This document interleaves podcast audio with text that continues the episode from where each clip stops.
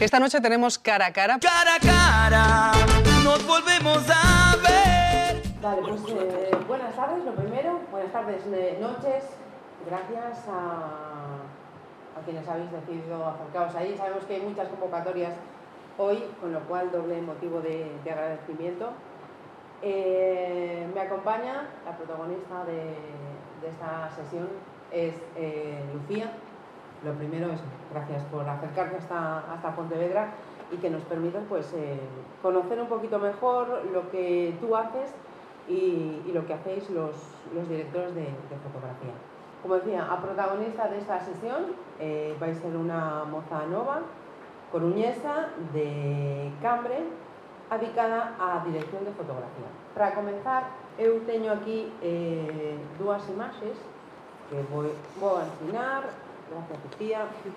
Eh, son dúas eh, imaxes. Esta primeira é de Pontevedra. Eh, son compañeiros eh, gráficos daqui da, da cidade. Son unha muller, a miña compañeira, eh, Mónica, eh, por certo, unha das fotógrafas que toma parte desta posición de, de Enfoca, Eh, a imaxe, tamén eh, vou dicir, é eh, unha imaxe do compañeiro Salvador Sass porque somos eh, moidados aquí con unha reivindicación para os compañeros da prensa gráfica a utilizar as imaxes que, que vemos por internet e non pensamos que hai alguén que fixo a, a imaxe. Eh, a situación non é exclusiva só de, desta cidade, esta é outra imaxe, dos compañeiros en Madrid tamén. Elas eh, veis a, a diferenza. Eh, eh estas imaxes tamén teño que decir que non, non son eh, unha crítica aos meus compañeros que están facendo hoxe o, o traballo. Eh?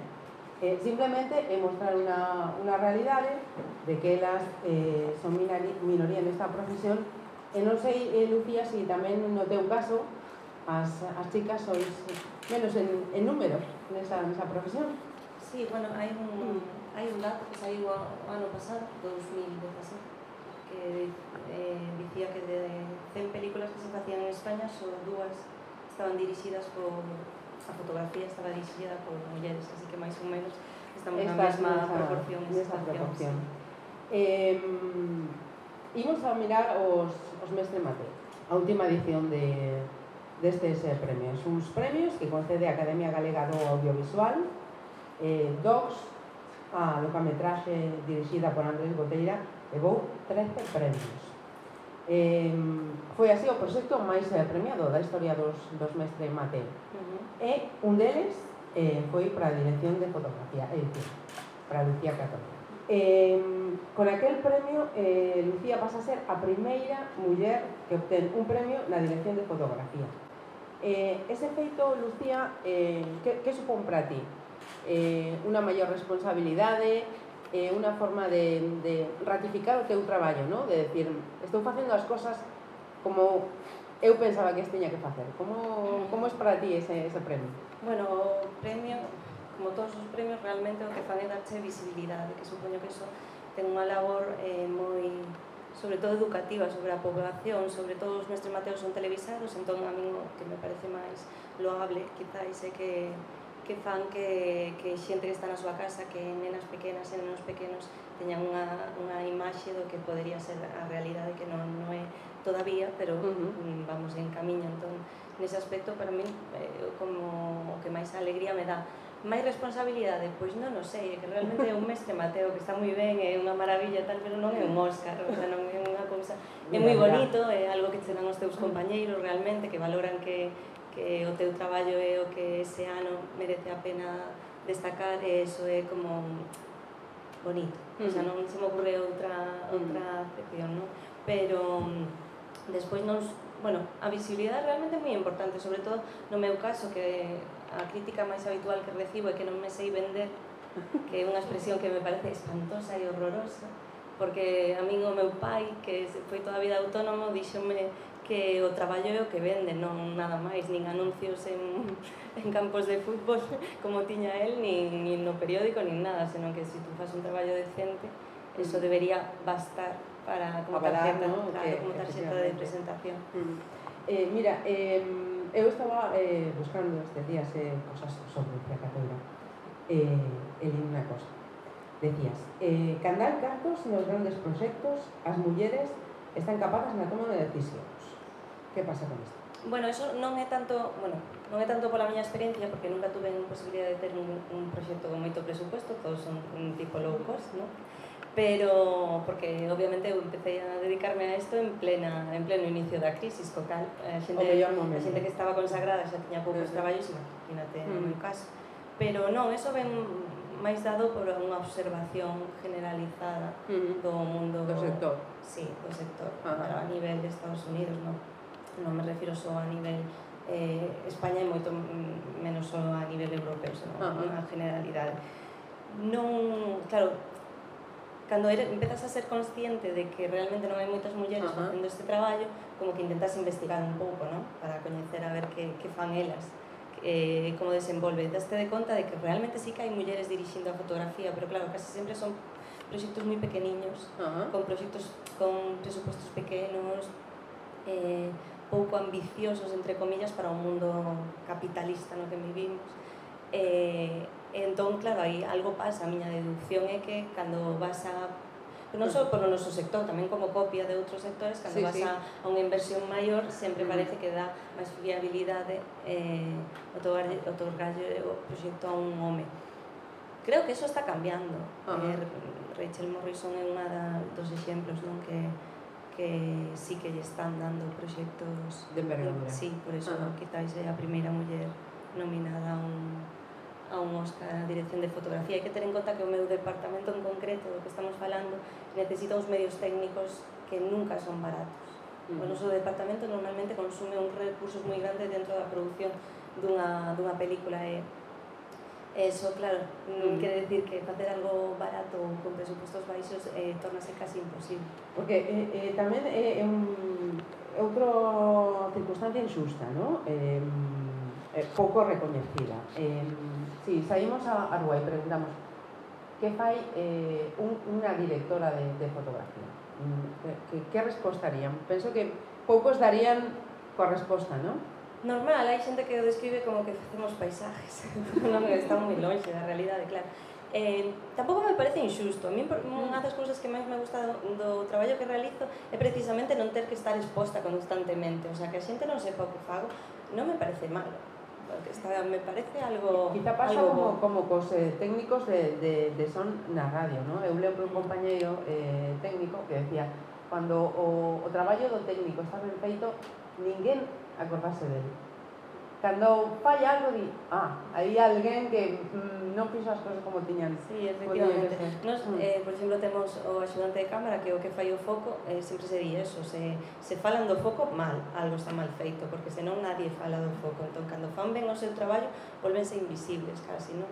E a min é algo que me gusta, o que pasa que desde que Lubeski gañou os seus Oscars un detrás de outro, volveuse como unha especie de ídolo, o, mm. o director de fotografía de Cuarón, por exemplo. Ajá.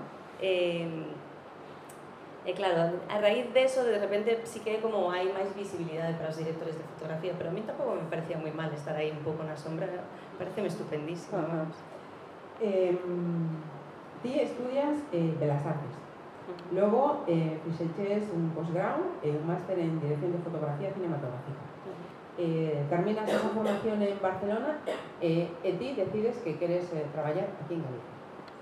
Bueno, realmente era algo que tiña bastante claro. Eu quedaríame aquí a estudiar, o que pasa que en Barcelona podía estudiar eh, nun ano ter os coñecementos que aquí me levaba máis tempo, non? Eh, e xa viña de facer Belas Artes, que nese momento eran cinco anos, e non me apetecía moito estudiar máis, quería poñerme a traballar. E os que está super ben do máster que fixen el é que realmente aprendes traballando desde o minuto un, sabes, temos eh, tiñamos clases eh, teóricas, porque hai moita teoría que tal, pero sempre, sempre estaban moi complementadas por algo práctico. Incluso as clases teóricas moitas veces eran directamente no plató, porque se tú non tocas algo, o sea, da igual que te ensinen como cargar un chasis teóricamente con dibujitos, non, non faz. Sí, a práctica. máis porque despois para, para ter que facer a oscuras, cal ou empezas a, a traballar coas mans, un ten moito sentido o de traballar en Galicia mm, é que non sei, o sea, pareceme que é unha sorte poder traballar aquí e manterte desto, sabes, o normal é que teñas que sair fora e supoño que en algún momento vereime obligada a, a ter que, a que de, sí, de feito ano que ven espero ter unha coproducción en principio gravarei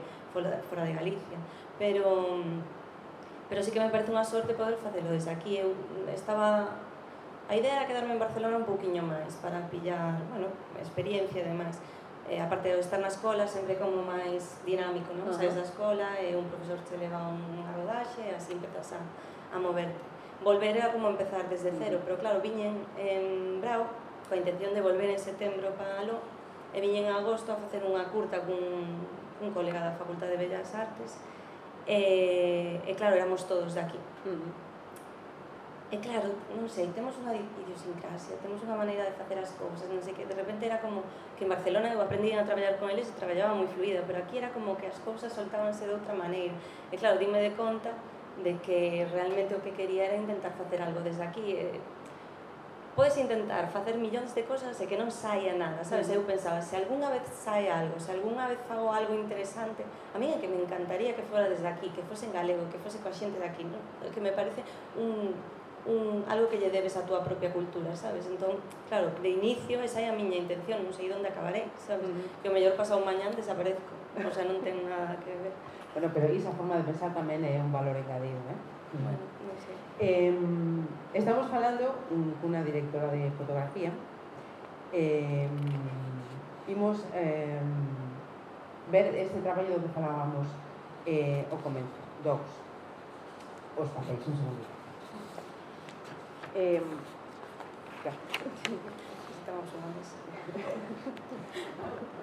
Volvemos, Paula.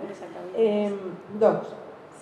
Eh, e falar concretamente eh, de, de dúas mulleres mm, veo que estou confundindo a, as preguntas falábamos de dos, deixamos dos, perdón eh, falamos de dúas mulleres que ten que ver con Eh, uh, outros dous proxectos nos que eh, ti participas na, nesa nesa función de, de directora de fotografía, Matria. Eh, é unha curta da Álvaro Gago que levou o Gran Premio do Xurado no Festival eh, Sundance, que digamos que é o, o, o máis do máis, non? Nas festivais eh, independentes. Eh, esta curta ten como protagonista a, a Ramona.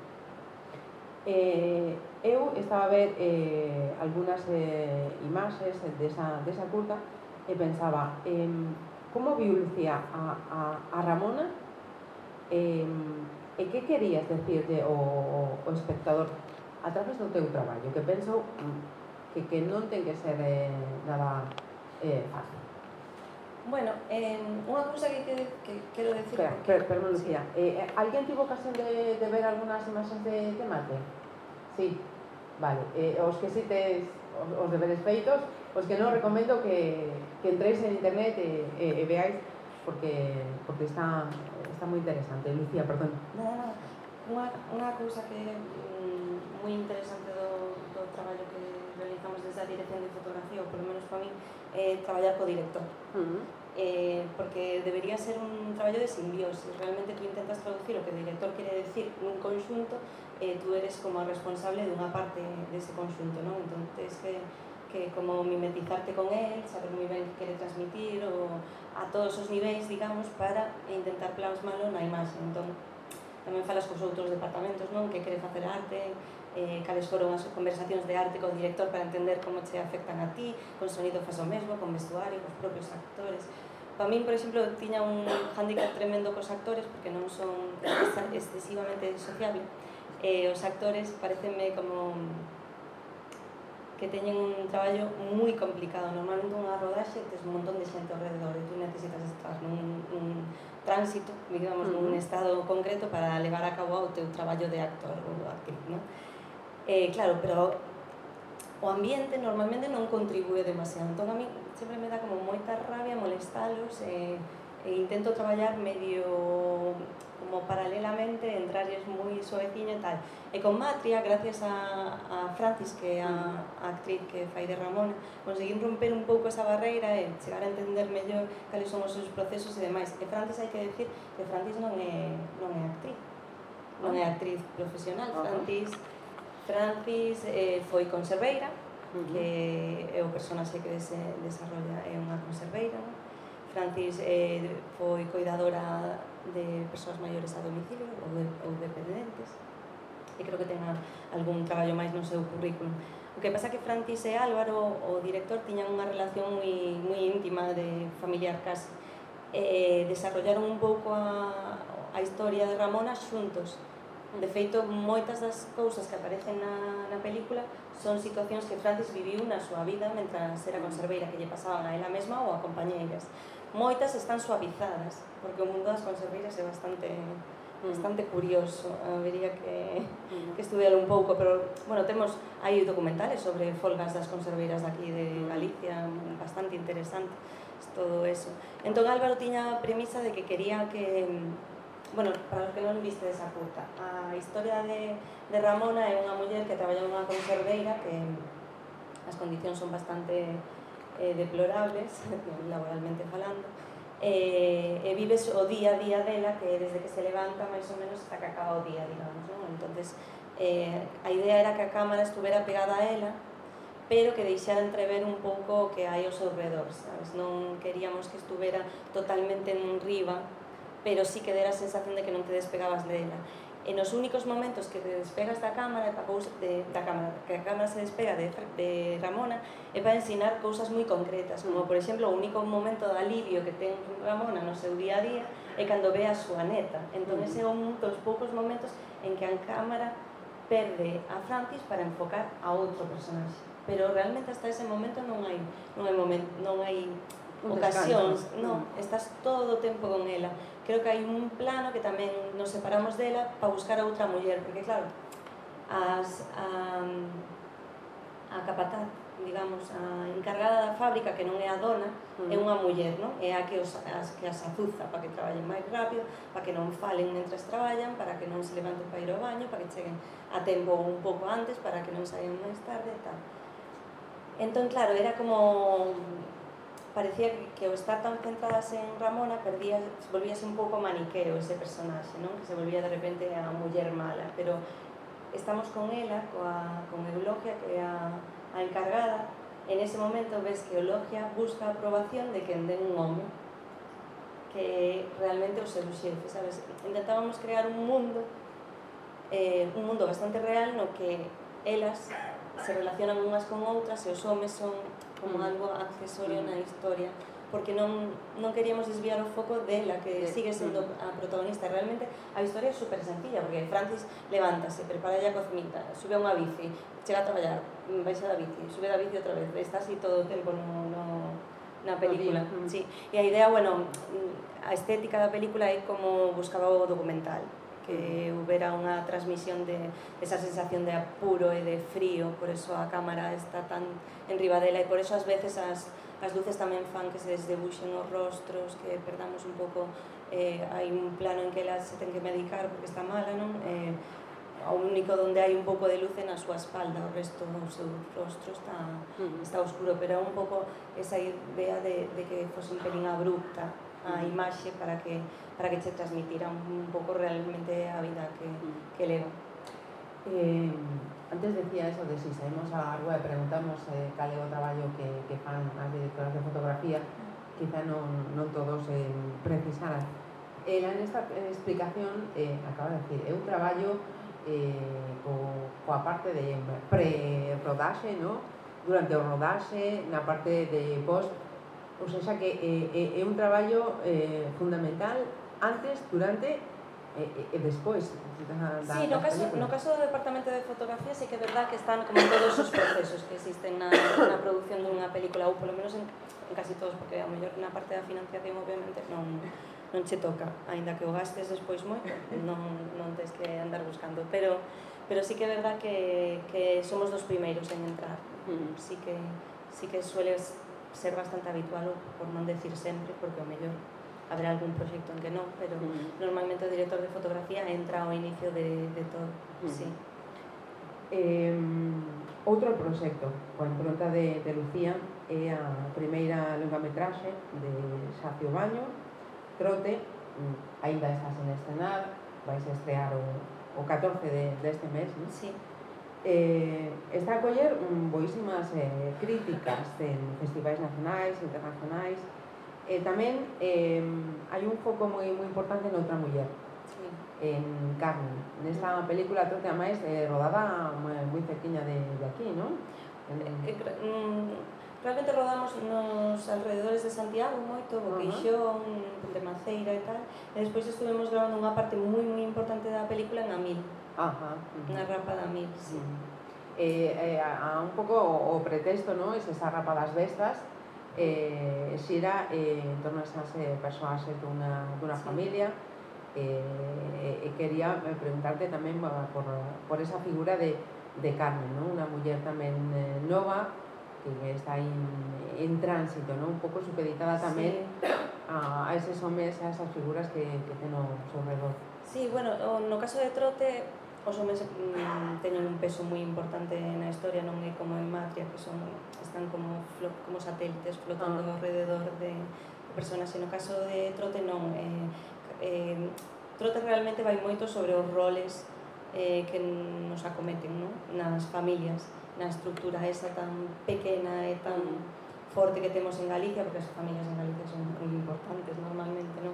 Eh, e hai como uns eh, roles moi estipulados, non? O, os que nos quedamos na casa e os que están fora, sabes?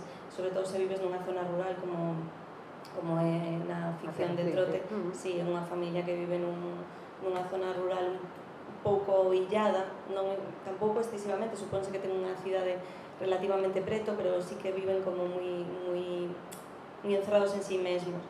Eh, se se maximiza isto do encerro por culpa da rapa, non? Que como que como o povo está en festas, eh, todo o que fan xira un pouco en torno eh, aos ambientes que hai e demais en torno a esa rapa que se vai que vai ser como desenlace da película, non? A rapa como en si sí mesma non aparece hasta o final da película.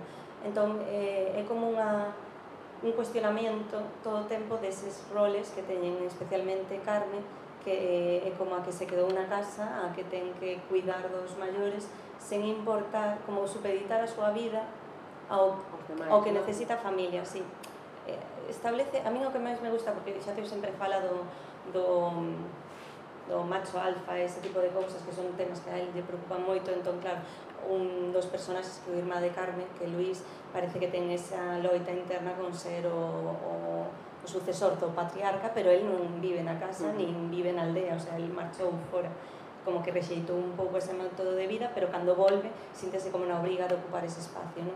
E, e Carme, por exemplo, é, é o rol de cuidadora que é como algo que se asume, uh -huh. que se non hai un se non hai un compromiso institucional, social sobre quen desarrolla ese tipo de, de necesidades básicas nas familias, eh, uh na sociedade, ao final o acaba asumindo unha muller. Eh, eh, trote un pouco reflexo de eso realmente, non, uh -huh. non pretende ser moito máis. É unha película bastante dura, non é unha película nada fácil, porque a mí moitas veces a xente dime, "Buah, Docs, que dura é."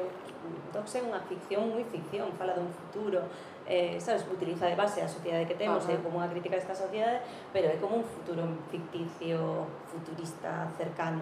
Sabes que te podes desligar del bastante, pero sin embargo trote non, o sea, Mm. trote para todos os que nacemos aquí, e sobre todo se temos raíces rurales, eh, machaca un pouco, mm. sí, porque se fai cuestionarte moitas cousas que pensas que son a norma xeral, digamos. Mm estamos acostumados a que sea parte da nosa cultura, da nosa maneira de facer as cousas e o mellor eh, cambiar non sempre é malo ou evolucionar de alguma maneira. E Carmen intenta romper con eses, mm, con esas ataduras e non é nada fácil. O seu personaxe é un, un sufrimento constante, realmente e, e reflíctese a máis co, co traballo que faz, hai que, mm. hai que decirlo. Sí.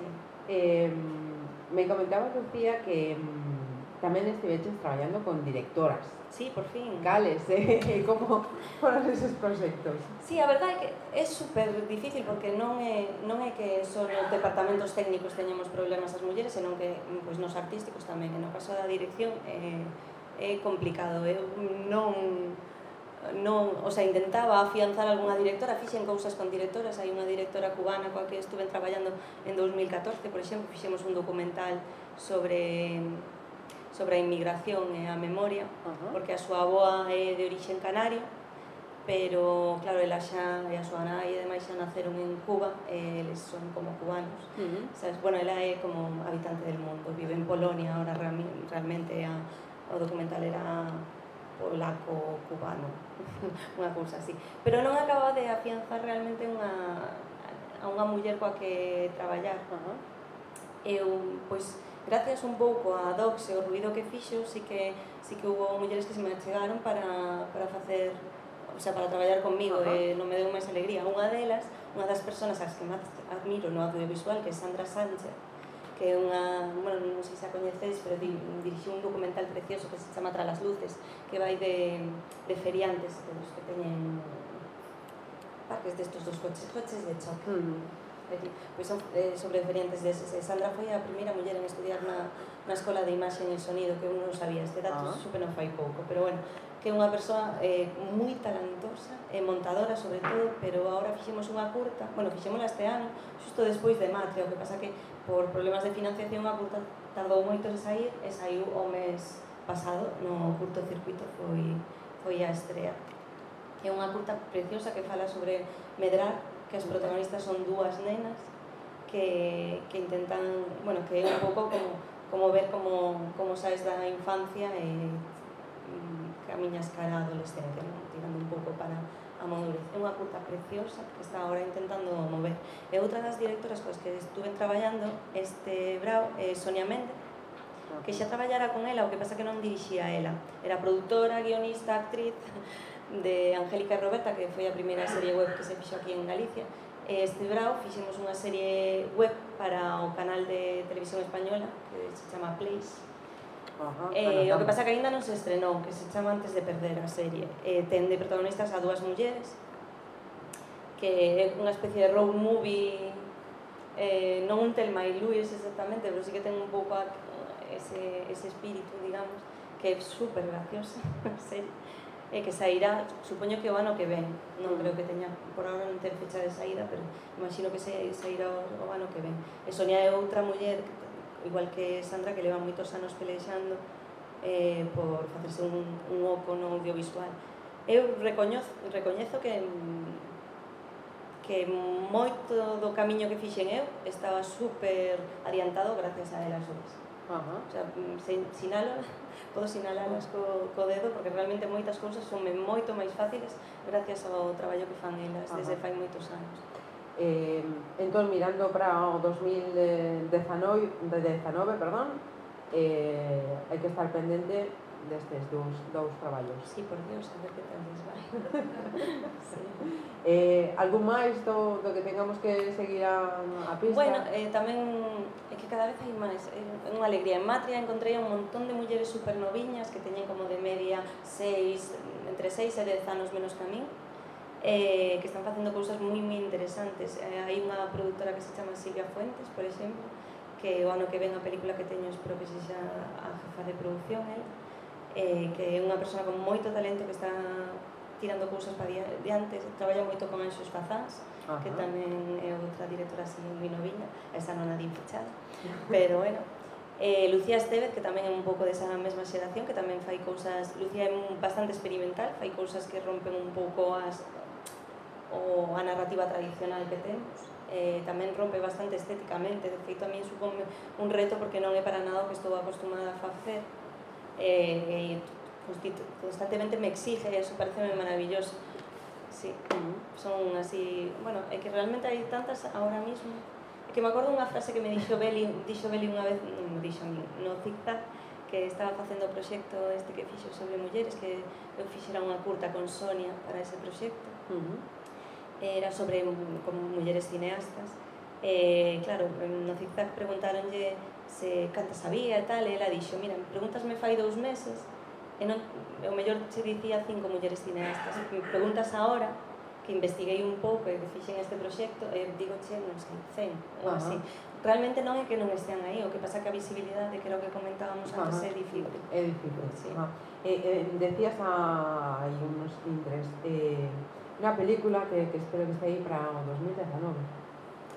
Ah, para rodar. Para sí, es una, una productora de aquí de Pontevedra, Matriusca. ¿Matriusca? Sí, me contactaron pero bueno, estas cousas sempre nunca sabes moi ben en que acabarán, ¿no? Pero non confío bastante en que saian, que que podamos facer, ojalá tiña moitas ganas de traballar con O sea, que con Matriusca. podemos eh, ver a Lucía por Pontevedra. Non vamos a gravar en Pontevedra. No. No. No, vamos a gravar en principio en Galicia, sí, pero non en Pontevedra, Ujú. en Barcelona, Ujú. en Italia. Mm. Sí. Eh, para comezar, soa, soa ben, o último proxecto de, de Matriusca, de feito, con Anxo Faján, Sí, estación sí, violenta. ben, sí, sí. Efectivamente. Sí, sí. Mm. Pois este tamén, a directora é, non é daqui, eh, vive en Barcelona, Mm. pero sí, espero que, Pinta, pinta. espero que teñamos algo similar, ou mellor. se Eh, podemos. antes de pasaros a, a palabra, si queréis eh, eh, preguntar, eh, xente nova, xente. Eh, se alguén eh, pensa dedicarse o, o a dirección de fotografía, Sí. eh, cal sería o, o teu consello? Ai. Adiante, valor, o que decías ao comezo. Ai, a min, eu sempre digo que, que vai, vai sonar rarísimo, pero que un das miñas virtudes é que teño moita capacidade para ignorar a xente fala constantemente de cousas unha detrás de outra e a ao final hai un montón de ruido e creo que, que é moi importante creo que me ensinaron aquí en Belas Artes realmente isto de aprender a ignorar, sabes? O sea, quédate, quédate co que sea capaz de facerte medrar, non co que te achique, porque realmente hai tantas cousas que nos poden achicar, empezando pola, pola saúde, que, uh -huh. que non é eterna, sabes? Así que mm, hai cousas contra as que non podes loitar, pero facer oídos sordos ás veces é moi importante. Para min, polo menos, é das cousas máis importantes. Ese un quere, adiante, valor. O sí, que claro, a ver, aí, que non, non todo está nada, non son nada, non son nada defensora do discurso este de si puedes, si quieres puedes. Uh. Non me non me parece hai, hai, moi, hai un barreiras, montón, sí, eh, sí, hai sí. moitísimas uh circunstancias que moitas veces non están na túa man e que non non, ao mellor non, non tes esa, esa sorte. Tamén son bastante de creer que a sorte tamén se, quero dicir, se mm. te das por vencida a primeira de cambio, obviamente. Mm. Non tes moito que facer, entón creo que sí que, se, que sí que hai unha parte do traballo que é cousa túa, formarte, eh, tirar para diante, non desesperarte cando as cousas saen mal, e todo ese tipo de cousas entendo que é algo que sí que podes eh, non eh, fomentar tú mesma, pero despois hai un montón de circunstancias. Eu eh? pois mm, é que levo empecé a traballar cando volvín de Barcelona en 2009 e, levo ahora mismo 2009, o sea, vai facer 10 anos pois levo ahora mismo un ano e medio vivindo desto o resto de tempo pois traballei en todo o que puiden e todo o que me deixaba tempo e incluso rechazaba traballos do audiovisual por non ser de dirección de fotografía para centrarme no único que me importaba que era a dirección de fotografía gustame moito os postos que hai no meu departamento, pero realmente hai unha parte artística do traballo que nos outros postos é como moi limitada, sin embargo na dirección de fotografía está en, en un tercio do teu traballo, que é unha parte moi grande. Mira, di, dimos, dimos un paso, o, o eu alo menos eh, quedo con, con, con corpo, porque estou lembrando unha das entrevistas que, que mirara eh, túas decías, agardo algún día eh, poder vivir eh, do, do que me gusta, que é isto. E, e agora, a lo menos, xa un ano. Xa sí, bueno, ano e medio, máis ou menos, levo, levo dedicándome en exclusividade a isto. Uh eh, -huh. E a verdade é que o que notas é que melloras moito, uh -huh. moito de gastar esforzos, eh, tempo, espacio cerebral, que para mí é moi importante sempre, en, en dedicarte a outras cousas. Por eso casi sempre collía traballos complementarios que fosen moi sencillos, que pudieras pudieras poñer o piloto automático e facelos precisamente para que non me ocuparan parte do cansancio físico, pois pues que non me ocuparan un cansancio mental, non? Para despois, cando sabes de traballar, conseguir seguir traballando do que realmente queres, que moitas veces é hincar o codo e seguir estudiando, porque claro, o mundo cambia moito, o noso traballo está directamente ligado á tecnoloxía e esa é unha... Sí, non, para. non é como fai uns anos que tú collías unha cámara e tiñas uns anos porque desarrollar mellorar esa cámara ou crear un, unha sustituta levaba moito tempo de investigación que tiñas esos anos para desarrollala e conseguir dominala. Hoxe en día as cámaras cambian cada dos minutos, o sea, non, non tes tempo de acostumbrarte a unha e xa está saindo un software novo que soluciona os problemas do anterior, pero que fai que non sei que, entón, ao final, Eh, todo eso lo único que puedes hacer es sentarte, leer, eh, chequear pruebas, eh, se te sorte, chequear las cámaras en vivo en los proyectos que haces. Ahí sí que no me atrevo a, a preguntarles. Las compañeras de fotografía que están aquí pueden, saber muchísimo más que a mí. Em, ¿Quién quiere preguntar ahora? Que no quede esto así, ¿eh? Nada, ¿no? Es que me expliqué súper bien. Pois, eh, se vos parece, queréis cha- charlar sen, sen micros con Lucía, rematamos con, con esta charla. Eh, gracias, Lucía, por, por estar aquí. Perdón por ese mal rato que el- ela me decía. Eh, son de estar detrás, eh, o que dito aquí tamén. Así que perdón por este mal ratiño. Moitísimas eh, gracias. Eh, eu alegrome moitísimo desta, desta ocasión de, de conocerla, porque senón sería, sería lo máis complicado.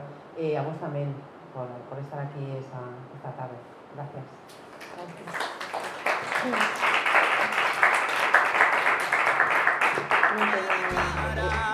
Frente a frente otra vez. Cara a cara. Pontevedra Viva Radio. Oh.